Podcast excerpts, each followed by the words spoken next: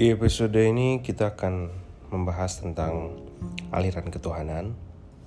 Tentu saja ini sebuah pengantar yang bersifat sangat general eh, dan diperlukan bacaan lebih lanjut terkait dengan apa yang akan kita bahas.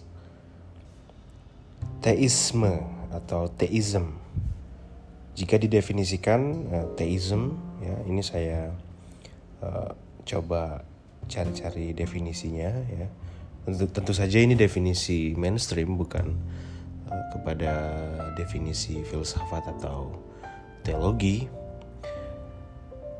Kalau merujuk ke Merriam-Webster, theism didefinisikan ya belief in the existence of a god or gods.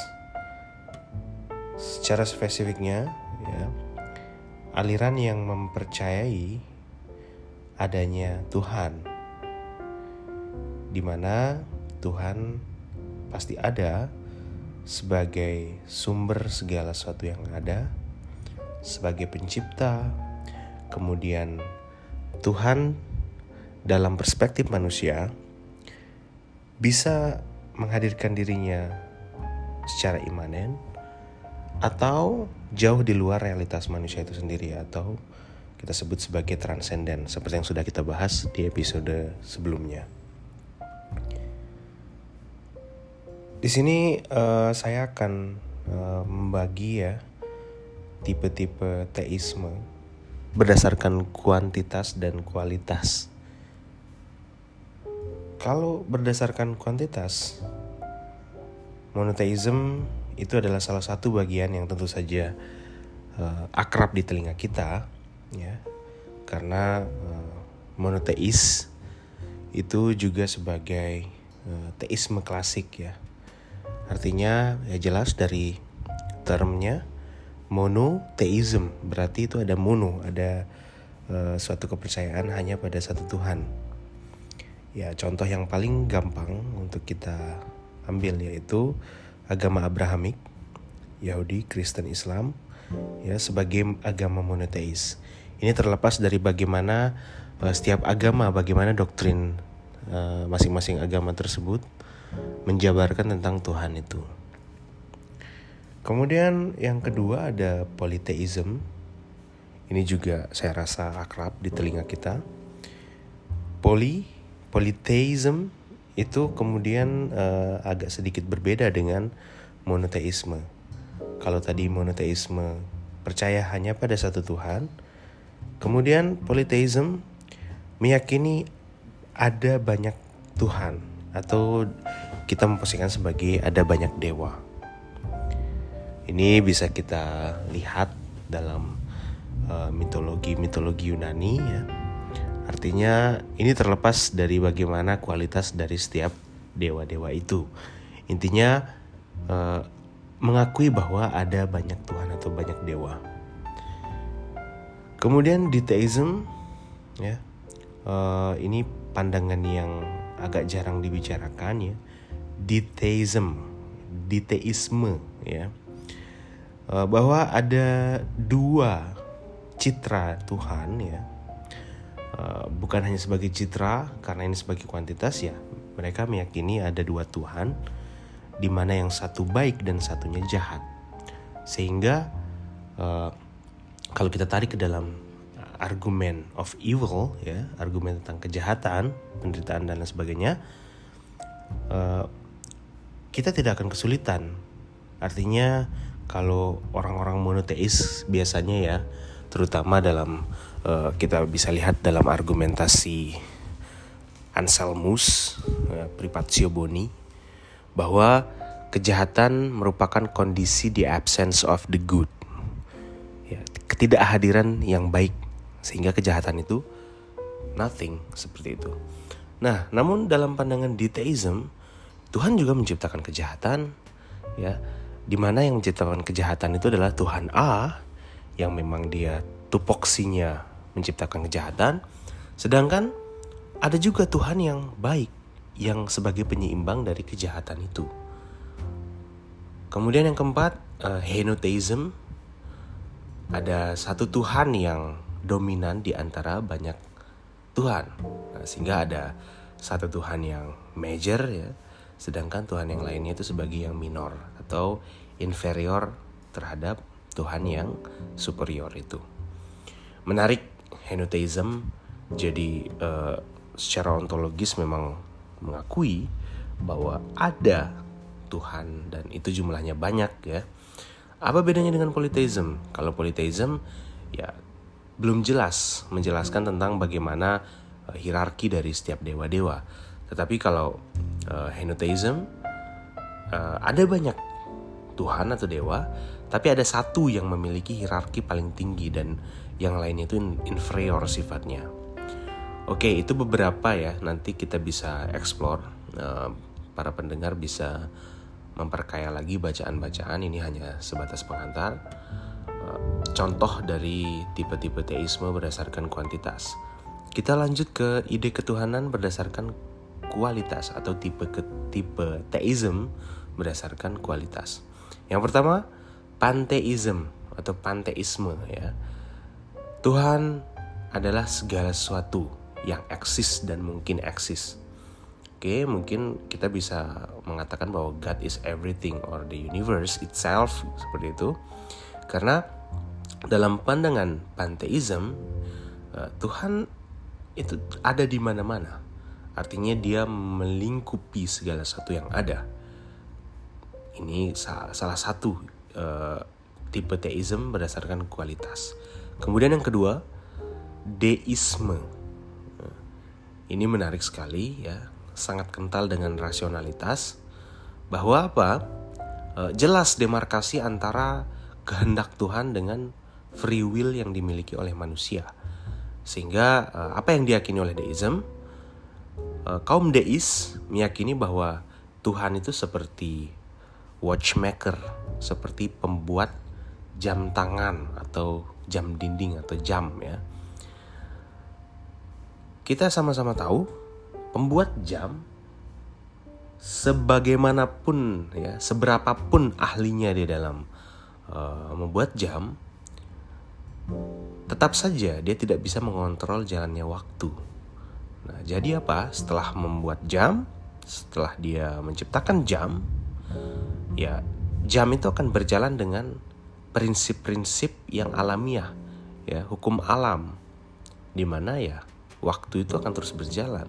Sehingga mungkin uh, kita mengenal waktu sosiologis ya di mana setiap orang kemudian memaknai waktu berdasarkan jam ya berdasarkan detik menit dan lain sebagainya.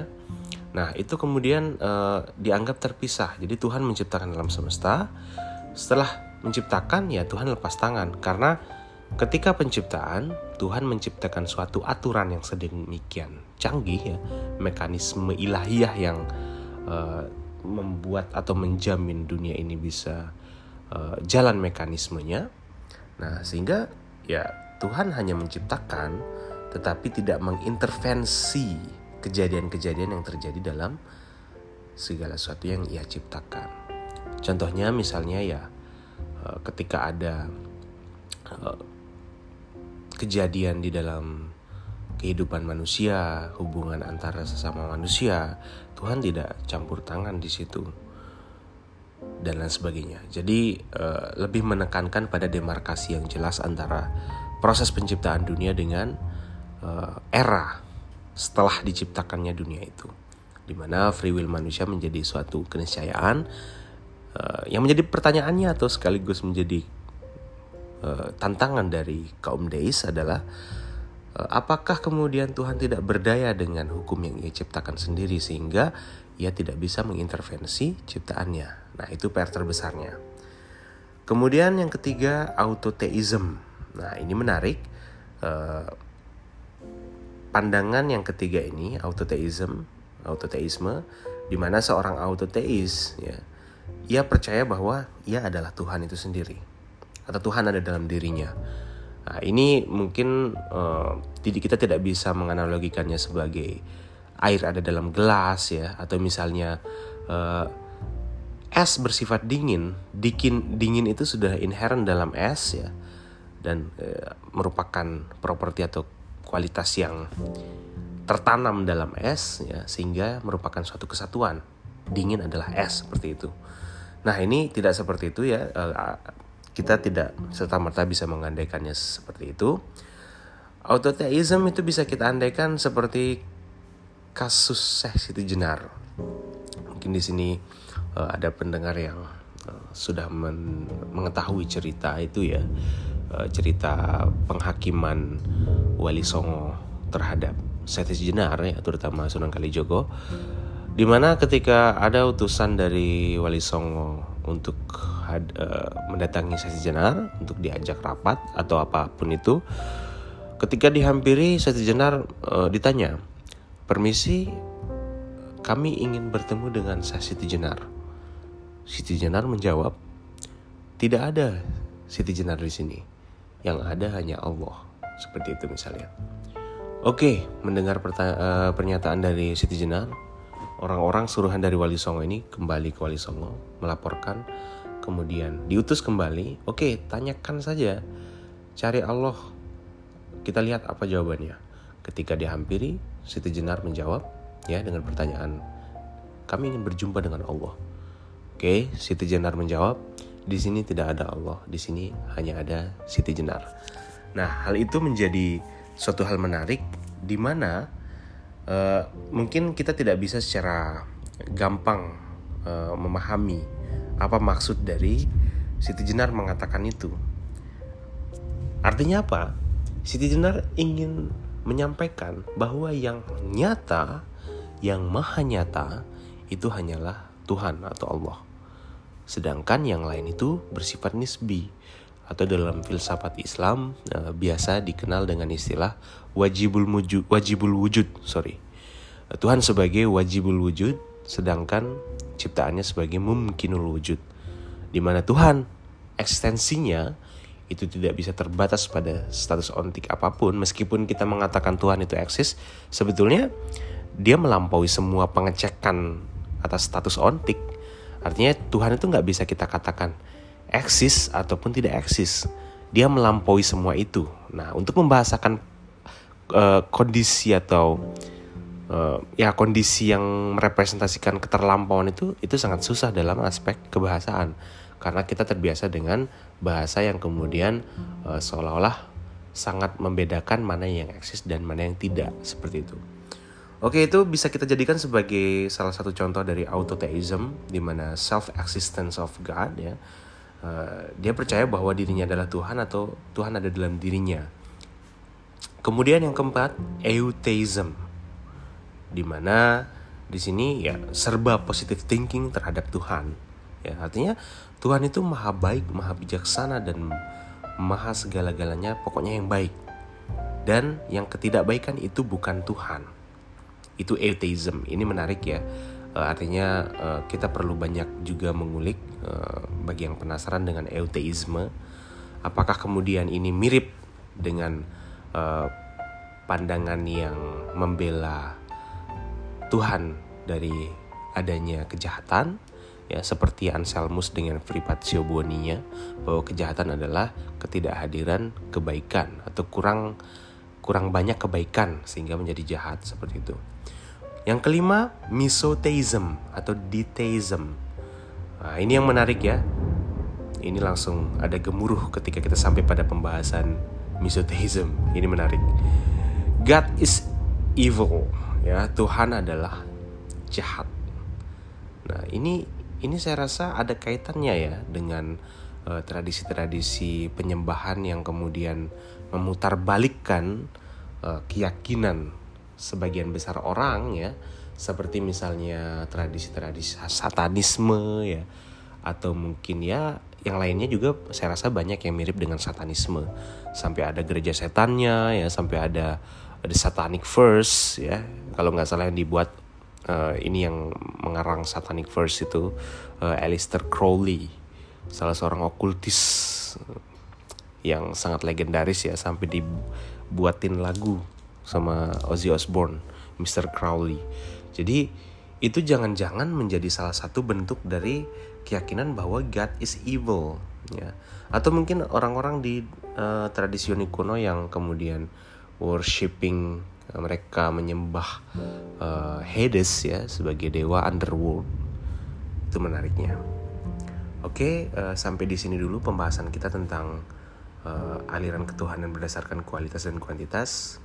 Uh, pada episode berikutnya kita akan masuk ke dalam pembahasan monoteisme secara lebih uh, jelas ya. Di samping itu juga ada deisme dan sebagainya bagaimana fundamental belief mereka Oke, terima kasih.